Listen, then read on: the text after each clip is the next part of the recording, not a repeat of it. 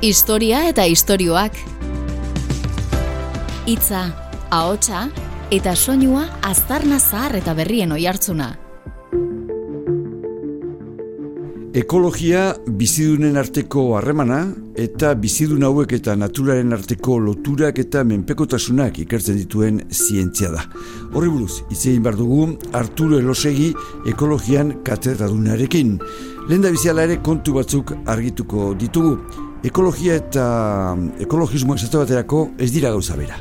Ekologismoa da ekintzailetza bat edo jarrera politikoa nahi baldin bada ingurunaren kontserbazioaren aldeko ekintzailetza bat. Ez orduan batetik zientzilariek e, informazioa bilatzen dugu eta orduan beste batzuk e, pentsatzen dute informazio hori ikusita zerbait egin behar dela mundua aldatu beharra dagoela eta hor sartzen da ekologismoa. Klima aldaketa arretagune eta eztabaidagai bihurtu da azken urtetan.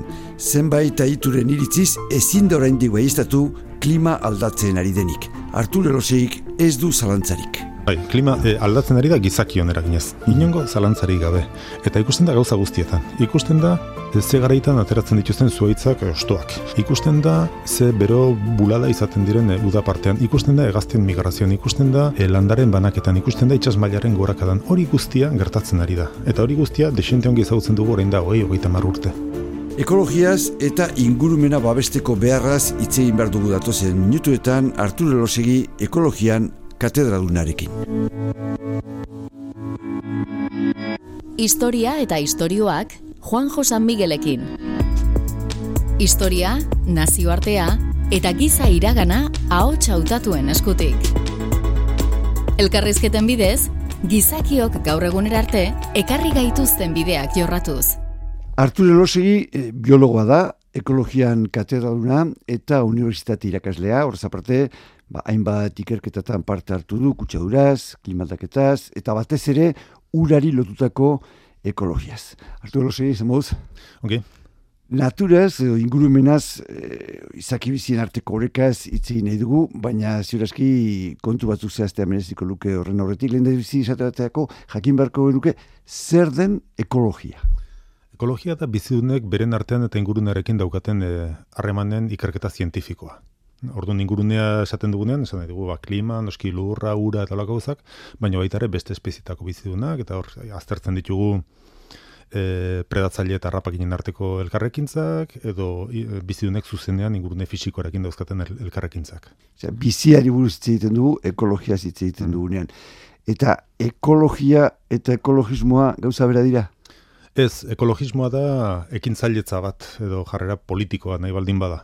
Ingurunaren kontserbazioaren aldeko ekintzailetza bat. Ez, orduan, batetik zientzilariek e, informazioa bilatzen dugu, informazio hori gero eta gehiago kezkagarria da, eta orduan beste batzuk e, pentsatzen dute informazio hori ikusita zerbait egin behar dela mundua aldatu beharra dagoela, eta hor sartzen da ekologismoa. Gero egia da, ba, bueno, ekologo asko, e, azkenean pixkat ekologista ere e, bihurtzen garela edo asko, beste kontu bada mm, saiatu behar dugula nire ustez behintzat gure jardun zientifikoa gure ekimen politiko ez eta aldentzea. Zer bestela bi gauzak nazten baldin badira gure jardun zientifikoak indarra galtzen du. Hori esan izun, agian momentu batean edo gora batzutan ekologismoak kalte egin liezaiok ekologiari edo oztopatu bidea edo, edo, edo, edo, edo elkarlana posible da eta horrez dagoela ospenik. Nik uste dut elkarlana posible dela. Azkenean, e, ekologismoa, ba, nik esango duke orokorrean borondatea undekoa dela, ez beti ongi informatua, eta batzutan e, ikusten dira aldarri ekologista batzuk, ba, bueno, ez da ez direnak e, agian oso, oso e, zuzenak, ez? Baina esango duke hori salguespena dela. Gertatzen dena da, e, nik ikerketa bat egin baldin badut eta emaitza zientifiko batzuk baldin baduzkat hori gauza bada eta gero da horren gainean daukadan iritzia edo horren arabera nik nola usten duen aldatu beharko hotelitzatekela gizartearen e, martxa, ez? Eta hori beste gauza nahiko desberdin bada. Eta orduan nik uste dut bi plan horiek berizte importantea dela. Noiz azten, noiz azten da e, gizakia e, bere inguruneaz e, arduratzen baino, zer beti arduratu berala, kezkatzen. Noiz hasi e, e, egiten ba, ekologia, edo konsientzia ekologikoa, edo pixat, mm -hmm. arduro hiez. Bueno, kezka betidanik eh, egon izan da esan duzun bezala, ba, e, ez dakit erdiaroan, edo seguraski paleolitikoan garai harteko, e, garai hartako izterik ere izan entzituzten bere arauak, eta hemen ez hartu, garai honetan e, respetatu kume hauek, edo olako kontuak beti, beti e, egon izan dira, ez? Gertatzen dena da, e, Garai baten etxe ingurukoa mm, mugatzen zen, baina bazirudin mundua oso handia zela eta urrutira gertatzen zenak ez zula inongo eraginek eh, gugan, ez? Eta hoi garren eh, mendean bereziki iruroiko amarkadan hasi zen jendeak konturatzen, ba, bueno, e, ingurunean sor, ingurumenean sortzen ari ginen aldaketek azkenean guri ere eragiten zigutela. Hor izan zen liburu famatu bat e, Raquel Carsonen e, nola zen udaberri isila eta berak deskribatzen zuen nola DDTak e, ordun pestizida nagusia DDTA zen izugarri erabiltzen zen barra barra eta ematen zuen e, bueno, hemen ere e, pestizidei zomorren kontrako botika esaten zaio. Botika beti hona da, badakizu ez.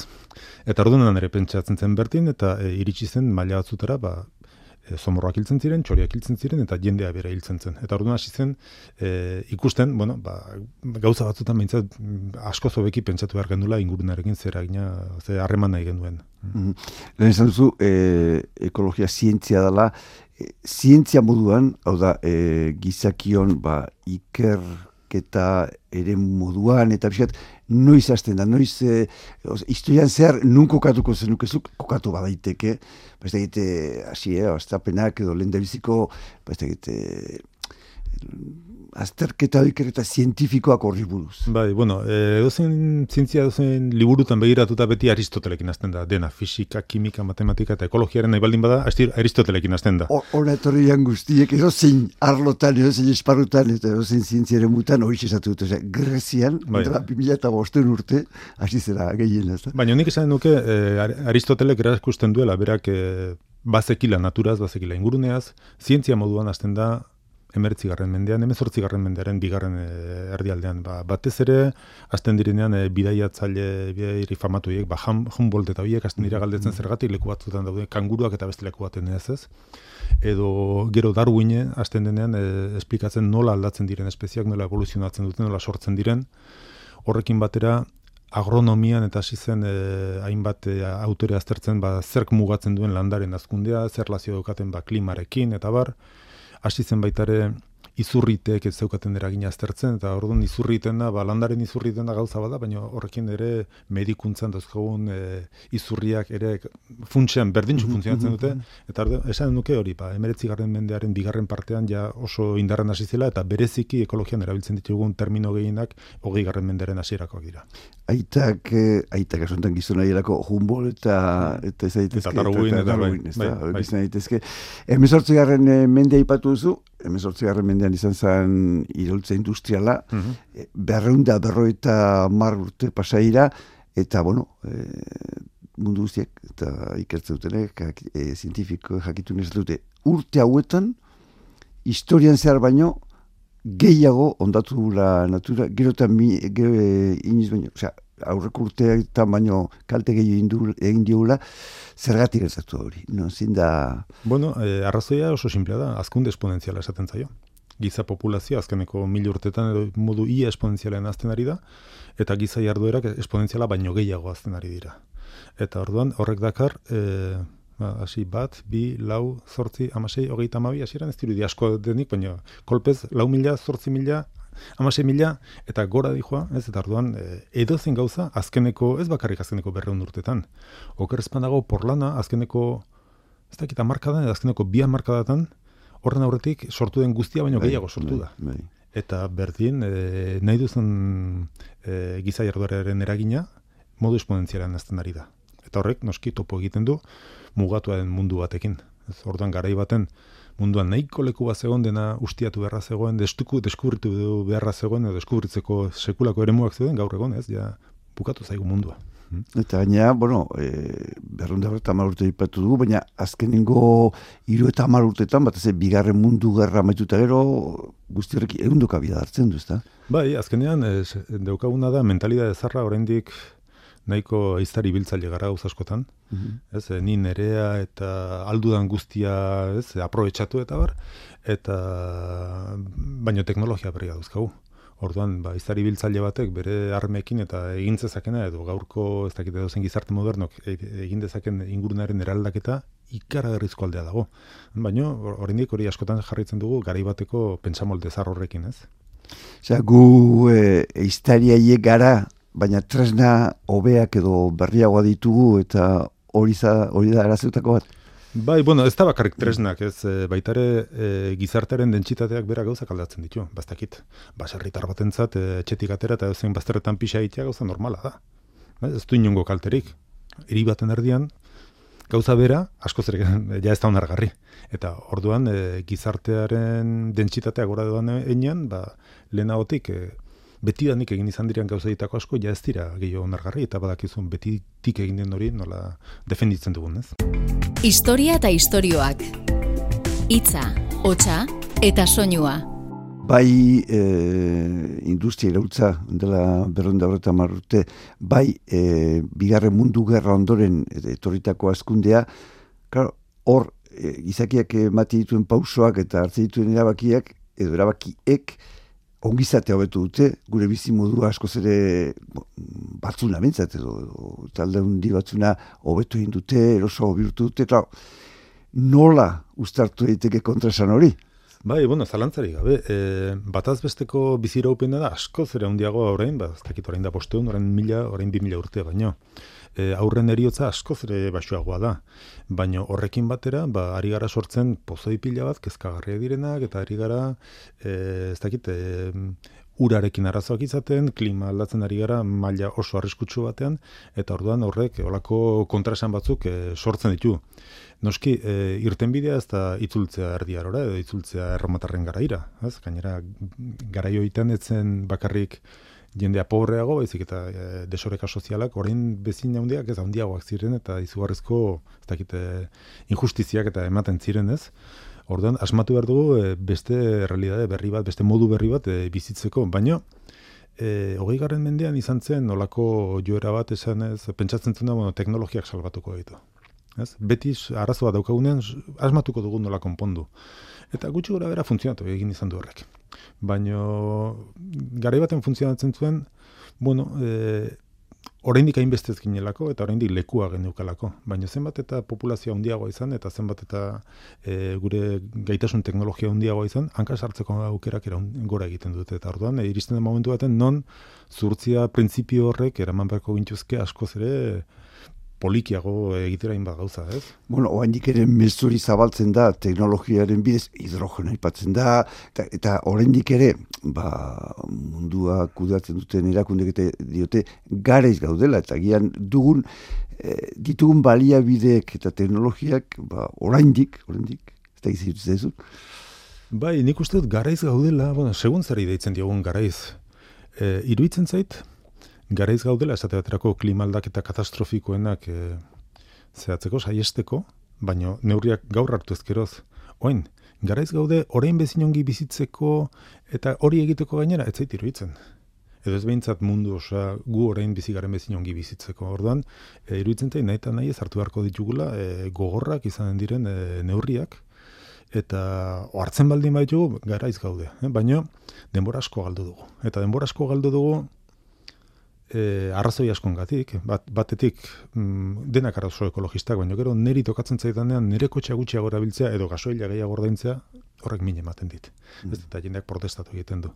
Eta gero baitare izan da e, industria zehatz bat aritu da gezurra zabaltzen, tabakoarekin hasi zen, ez? Tabakoak e, minbizia sortzen dut ezun edo ez, eta hasieran esaten zuten, bueno, ikerketa horiek ez zira oso eh, zehatzak, zalantza hundiak zeudela, bazirela datu batzuk erakusten dut zutenak ez ez, klimaldaketarekin berdin gertatu zen, ozono zuluarekin berdin gertatu zen, eta oitako bakoitza sortu den aldiero, izan da, e, jarrera baitere, bueno, bai, konforme, ozono zulua ondatzen ari gara, baina eske hori ez egiteak sekulako kostu ekonomikoa izan den luke eta gero ikusi da ez ez, kontrakoa. E, hori konpontzeak, ondura ekonomikoak karrizkila enpresa askori, ez sortu dituzte CFC nortezko beste produktu batzuk, eta bar. Baina badago la status quo hori edo negozio ona dirudien hori mantentzeko joera bat oso arriskutsua dena epeluzera, ze azkenean ba, klima aldaketarekin gaur ari gara erabiltzen, orain da irurogei urte erabiltzen genitun eredu oso antzekoak. Orain da irurogei urte baginekin klima nola ari zen aldatzen eta oso aurre ikuspien zehatzak egin ziren orain 60 urte eta pasatu ditugu 50 urte gezurtatzen hori. Ez, bueno, ez da ziurra, ez da nahitan nahi ez gizakiak sortutakoa, e, eta orain zein da jarrera, bueno, bai, gertatzen ari da, baina eske ez gertatzea hain garesti aterako litzake. Klima aldaketa, ipatuzu, baina klima aldaketa dalata ez da ere haudia da, oh, ze, bueno, ba, bai, e, zintzelari gehienek e, onartze dute, onartze duzu, baina, galdea da, klima aldatzen ari da, eta hori nun, nola antzematen da? Bueno, klima desente aldatu daia da, eta segitzen du aldatzen, eta gero tazkarra ari da aldatzen. Klima gizakion eraginez, nahi dut. Klima, bai, klima e, aldatzen ari da gizakion eraginez. Mm Inongo zalantzari gabe. Eta ikusten da gauza guztietan. Ikusten da, e, ze garaitan ateratzen dituzten zuaitzak ostoak. Ikusten da, ze bero bulada izaten diren e, uda partean. Ikusten da, egazten migrazioan. Ikusten da, e, landaren banaketan. Ikusten da, itxas mailaren gorakadan. Hori guztia gertatzen ari da. Eta hori guztia, desente ongi ezagutzen dugu orain da, hogei, hogeita urte. Ez? Ez dago inongo zalantzarik. Eta ez dago inongo zalantzarik aldaketa hori ia, guz, ia osorik, edo ba, gehien bat gizakiak sortutakoa dela. Ez? Zerbait izan daiteke bere zaldatuko liritzateken zerbait. Baina gizakiaren eraginez dela, inongo zalantzarik ez dago.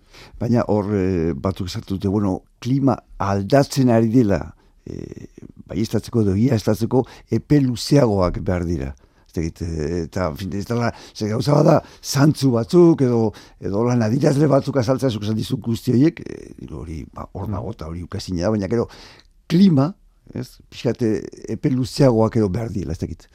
Hori da, e, sektore batek, erabiltzen duen e, estrategia beti, e, zientzia gelditzeko. Neri, behin baino gehiotan bileraren baten esan izan dira. Bueno, esaten duzun hori, agian egia izan daiteke, baina egin beharko zunekena da, hori e, frogatzeko ikerketa zehaz batekin. Esaten, nahi, bueno, e, esaten ari zarena da, lortu behar du dela milioi bat euro, eta pasatu behar ditu dela amar urte, jada, badakiguna, demostratzeko zuri.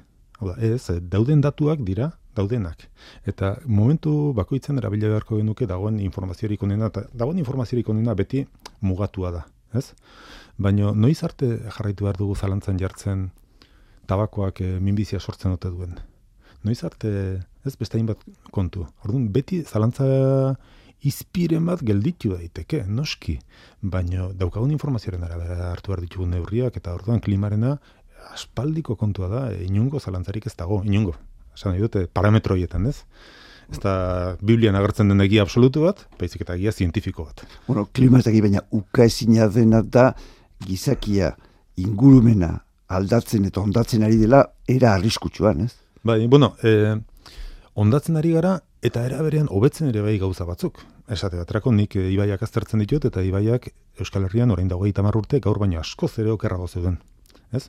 Orduan, olako, bueno, kontrasan handi batzu dazko, gero eta garrantzi gehiago ematen diego inguruneari, ez? E, garai baten, badaude argazkiak e, orioko ondartzan, mutiko bat e, bainatzen, bazakit irurgikoa markadan, eta goiti bera aparrez bitxez estalita, ez? Gaur egun, inorke lioke utziko bere seme alabari hori egiten, ez? E, eta hori bezala beste kontu asko. Orduan, e, batetik ari gara kutsadura nabarmenenak eta murrizten, baina gara gero eta kutsadura komplexoak sortzen.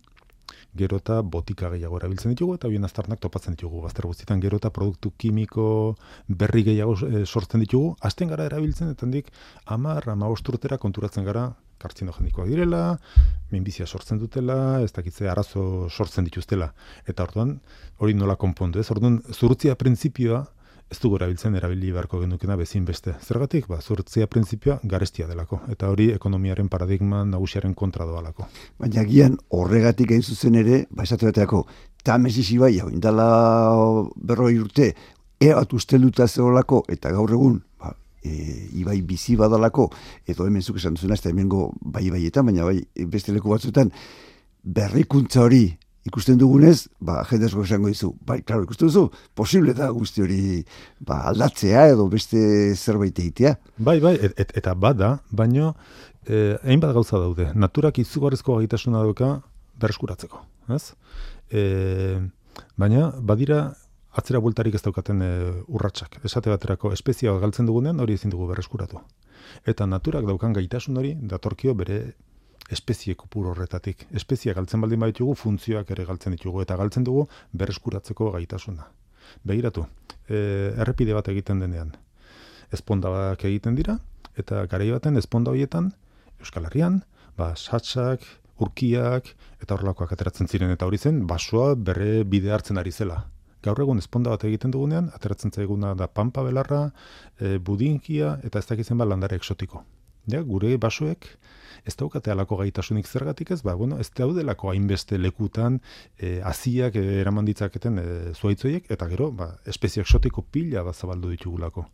Orduan, e, garai baten posible ziren errestaurazio lan batzuk eta gero eta zailago bilakatzen e, dira eta klima asko aldatzen baldin bada asko zere zailago bilakatuko dira. Ez, mm. e, badauzkagu espezie pila bat, ba nik zer dakit. Pirineoetan, ez, goimendiko landare di, landare espezie batzuk arriskuan daudenak. Eta be plana zintu goientzat, klima berotzen denean, horiek hasieran egiten dute garaieran gora, baina ja, bukatzen zaie, gora goztago mendirik, mm. orduan zer eraman behar ditugu, beste leku batera. Historia eta istorioak. Itza, ahotsa eta soinua aztarna zahar eta berrien oihartzuna. Bueno, larritasunaren eh, ondorioz eta esate dute eh, denok eskatzen hasi behar dugula boteretsuak eskatzen hasten dienean, ezta? Eta bai e, ba, bankuak eta beratsak eta erakunde hondiak eta bar.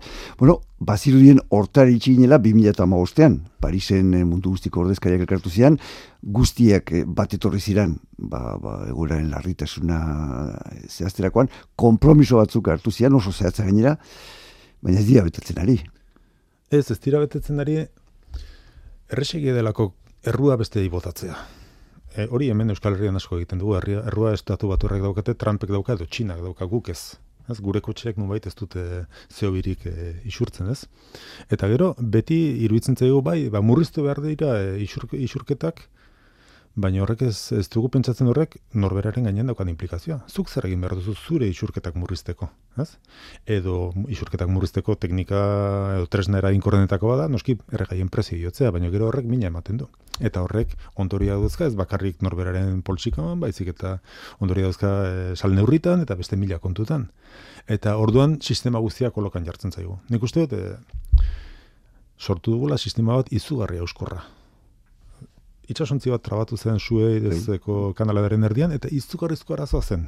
E, virus bat zabaldu da, izugarrizko arazoa da. Horein, Ukrainiako gerra urrungoan beste gauza bat, eta orduan, esate duzu, ber, e, nola da posible? Ukrainian gerran daudela, bueno, tamalgarria da, eta bar, baino, eta ekilorea, handik ekartzen dugu, ekilore hori handik bakarrik, eta orduan, Nafarroan, e, ereiten den ekilore hori, eta ikusten ditugun sailoiek, zer, zer ari gara egiten, leku askotan ari dira ekilorea ere egiten, e, gero, botatzeko bakarrik subentzioak kobratzeko, ze mundu arraio sortzen ari gara. Nola da posible, e, Nafarroan ez izaten nahiko gari Nafarrentzat.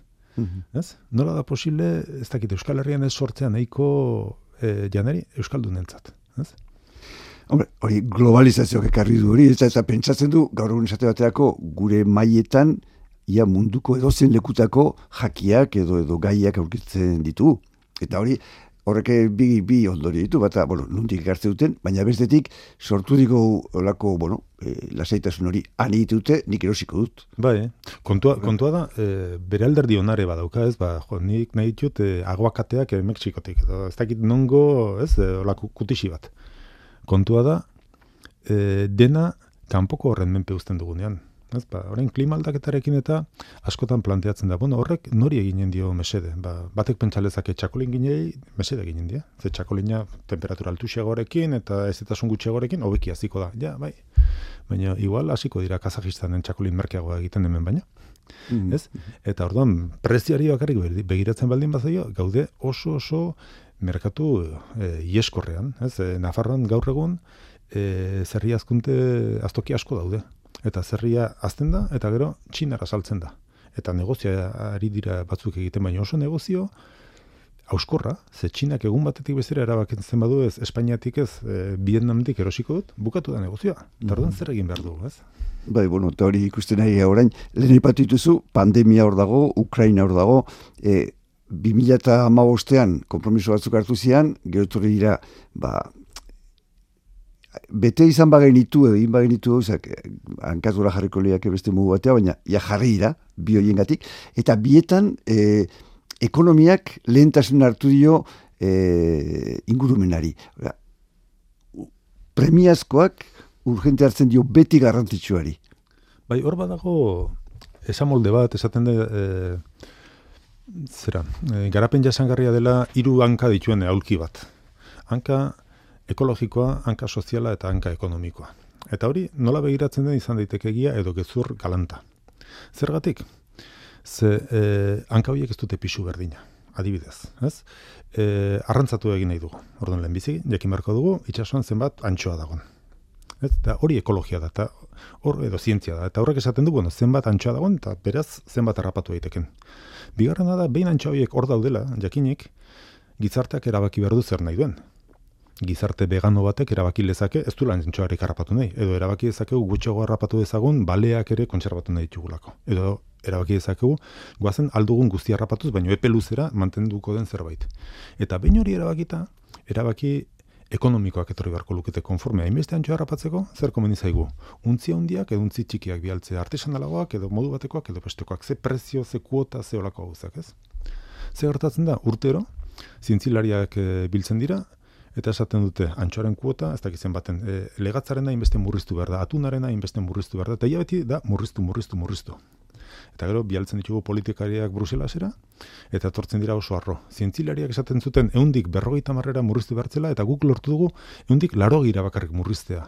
Eta esaten zu, joan, orduan ze lortu zu? Lortu duzuna da, baimena, gainustiatzeko, ez? Gaurko, e, zera, asea, biharko gozea bihurtzeko. Orduan, ekonomia, jartzen da, besteen pare balego bezala eta izan beharko luke beste menpe. Batetik dauzkagu mundua daukagu, dauzkan dimensioak eta dauzkana, gero mundu horrekin erabaki beharko genuke zer nahi dugun, bizi gaitezke gehiago, baino pobreago edo gutxiago, baino beki, eta hori erabaki politiko bada, eta baino hori erabakita sartzen da ekonomia, ez aurretik. Ja, baina eh, hor dator, eh, berala dator galdera ez da, e, Paris hartuako kompromisuak betetzeko, eo zukurain izan duzuna ez da, itxasoko horreka mantentzeko eta horrek aldaketa sakonak edo oso sakonak eskatzen dizkigu, gure bizimoduan, gure harremanetan, gure mugitzeko eran, presak hau urtarako edo... Bueno, tamalez dezkago bi aukera, edo aldaketa oso hundiak egin, orain, edo aldaketa are handiagoak eta are mingarriagoak egin etorkizunean. Ez dago besterik. Hau ez da konponduko guk aldaketak egiten ezpaldin baditugu. Eta mm, pres gauden, bueno, nik uste dut zenbaten eta informazio gehiago, ba, mm, prestutasun gehiago daukagula aldaketa mingarriak egiteko. Zakit pandemiarekin ikusi ditugu asko, ez? Mhm. Eta nik ez da, ba, zalantzarik gabe gauza guztiak ez dira ongi egin, baina hartu diren erabakietako batzuk hartu izan ezpalira, benetan egoera oso larri bat, e, larri baten den ginateke ez, eta hasieran ere pandemiarekin batzuk e, kezkatzen ziren, baina ekonomia eta ekonomia, ja, baina eske jende hiltzen baldin bada ez, ez dago ekonomiarik. Mm. eta orduan, e, lehentasunak nik uste dut e, markatu behar direla. Ba, eta askotan ez dira markatzen. Baina bide honetan, e, asko era munduan, ez, azpi mila eta milioi, denon erantzun gizuna eta ardura ez da berdina, ez? Europak egin duena, estatu batuena, edo afrikana, edo de, desoreka undia dago, e, naturari indion kalte hortan, nola horrekatzen da hori? Zalantzari gabe, batzuk osongi bizi gara, lehenagotik kalte izugarriak egin ditugulako, hemen eta Afrikan, ez? Horein, e, batzuk esaten dute guk daukagu eskubidea, ba, Afrikan, edo zuek orain arte egin duzuten egiteko.